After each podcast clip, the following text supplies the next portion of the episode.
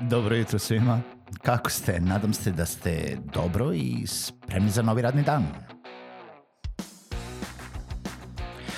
Pozdrav svima i dobrodošli na podcast Male pobede, stari novi podcast koji, well, koji je tu da bi vam kroz pitanje i savete dao motivaciju, pokrenuo vas u pozitivnom smeru i pomogao da ovaj dan počne bolje, jače i možda čak i zabavnije.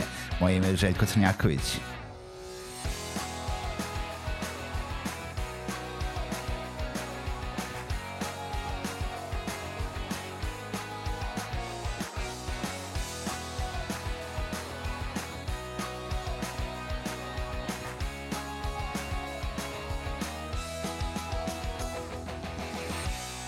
Pozdrav svima, dobro jutro i dobrodošli u novu epizodu podcasta Male pobede. Moje ime je Željko Crnjaković i želim svima još jednom ponovo da se zahvalim što slušate Male pobede, što me pratite i što se subscribe-ujete ili se prijavite da bi dobijali ove pobede, to jest ove, ove podcast i ove male pobede svako jutro na vaše uređaje gde pratite, a to ukoliko niste uradili možete da uradite putem sajta malepobede.rs odakle imate linkove da se prijavite za SoundCloud, za iTunes, Uh, ili naravno ukoliko pravite preko bilo kog drugog podcast distributera možete to i tamo da uradite.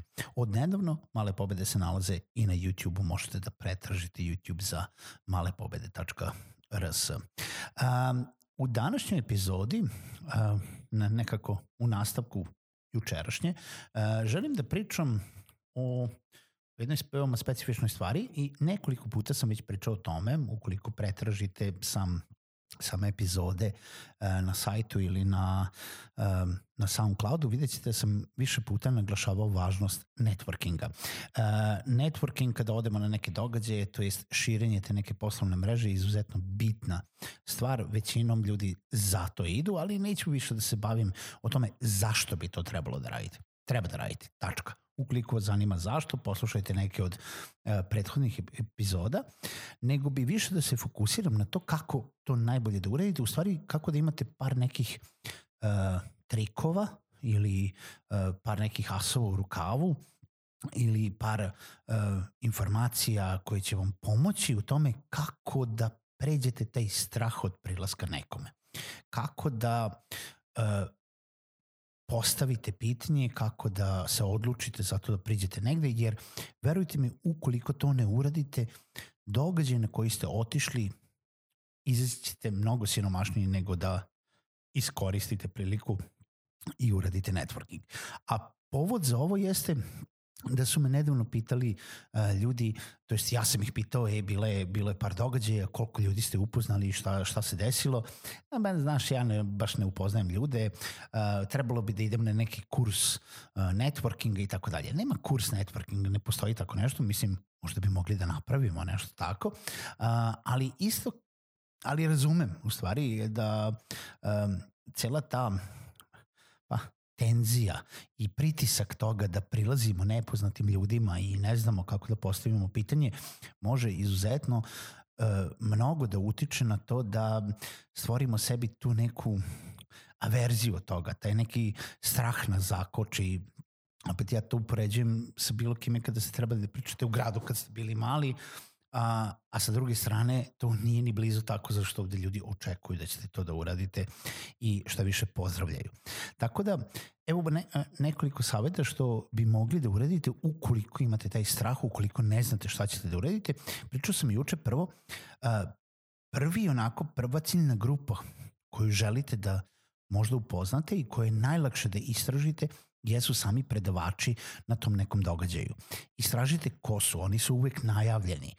Znači, saznajte nešto o njima, gde su radili, čime se bave, da li su radili nekim interesantnim projektima, gde su ranije pričali, imate njihovu biografiju u 99,9% slučajeva dostupnu na samom događaju, a ako ne, jednostavno možete da ih izgooglate i da otkrijete nešto malo više o njima. Naravno, pored toga mora, ne bi bilo loše da poslušate njihovo predavanje ukoliko želite njih baš da upoznate. ako i posle toga niste oformili u svojoj glavi neko konkretno pitanje koje je vezano za to što su ispredavali ili je vezano za neko njihovo pređašnje iskustvo, a koje vama može da znači, znači konkretno vezano za neki projekat, vezano za neku činjenicu koju su izneli na samom predavanju pa da vam pojasne nešto malo više o tome, možete jednostavno samo da priđete oni će uvek biti verovatno okruženi nekim ljudima, da iskoristite neku priliku, stanete sa strane, vidjet će se da čekate svoju priliku, da ispružite vašu ruku, da se rukujete i da kažete dobar dan, moje ime je Željko, ja radim kao preduzetnik u Solutiumu, samo sam hteo da vas upoznam, hteo sam da vam kažem da je bilo fantastično predavanje i hteo sam da vas pitam odakle vam ideja ili ka, za, za ovu temu. Ili sam hteo da pitam kako ste završili u ovoj oblasti?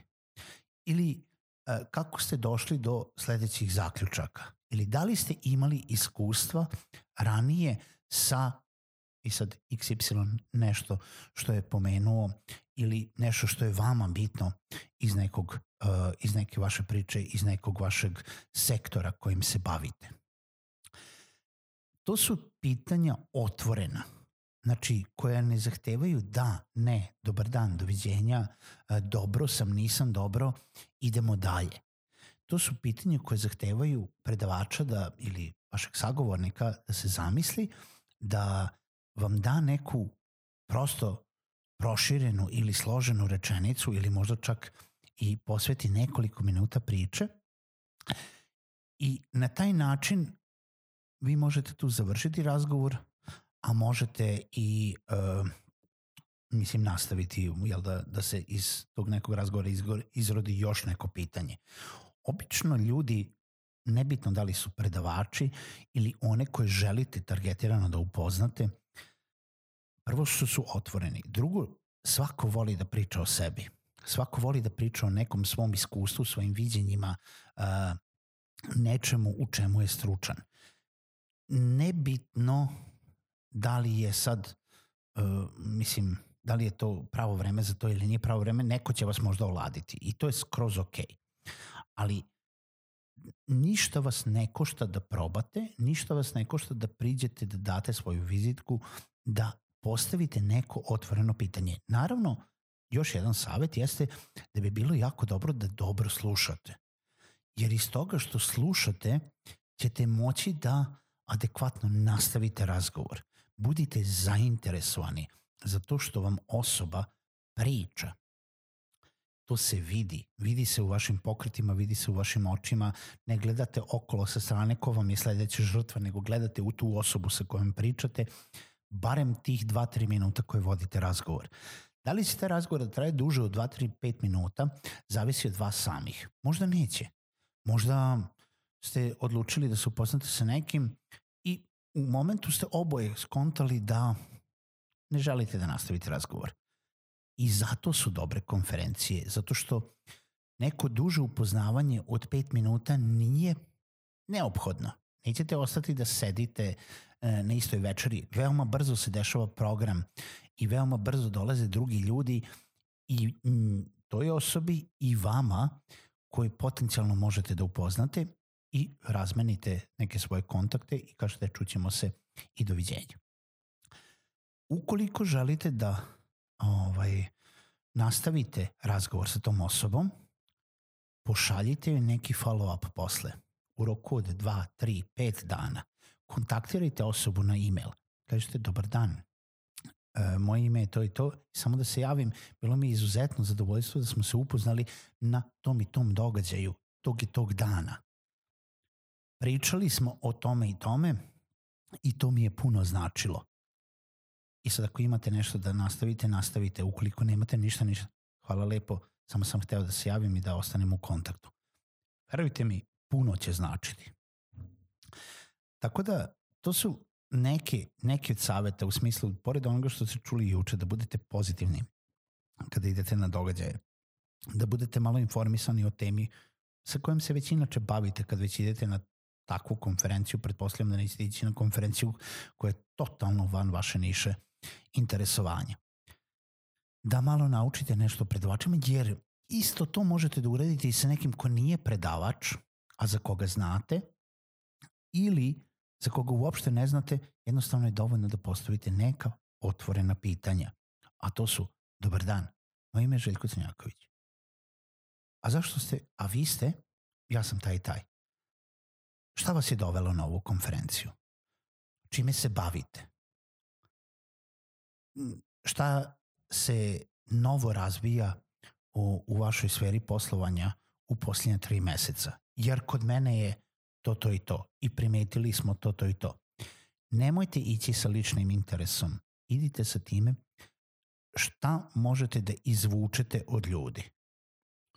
Nadam se da sam vam bar malo pomogao i čujemo se u narednoj epizodi podcasta Male pobede.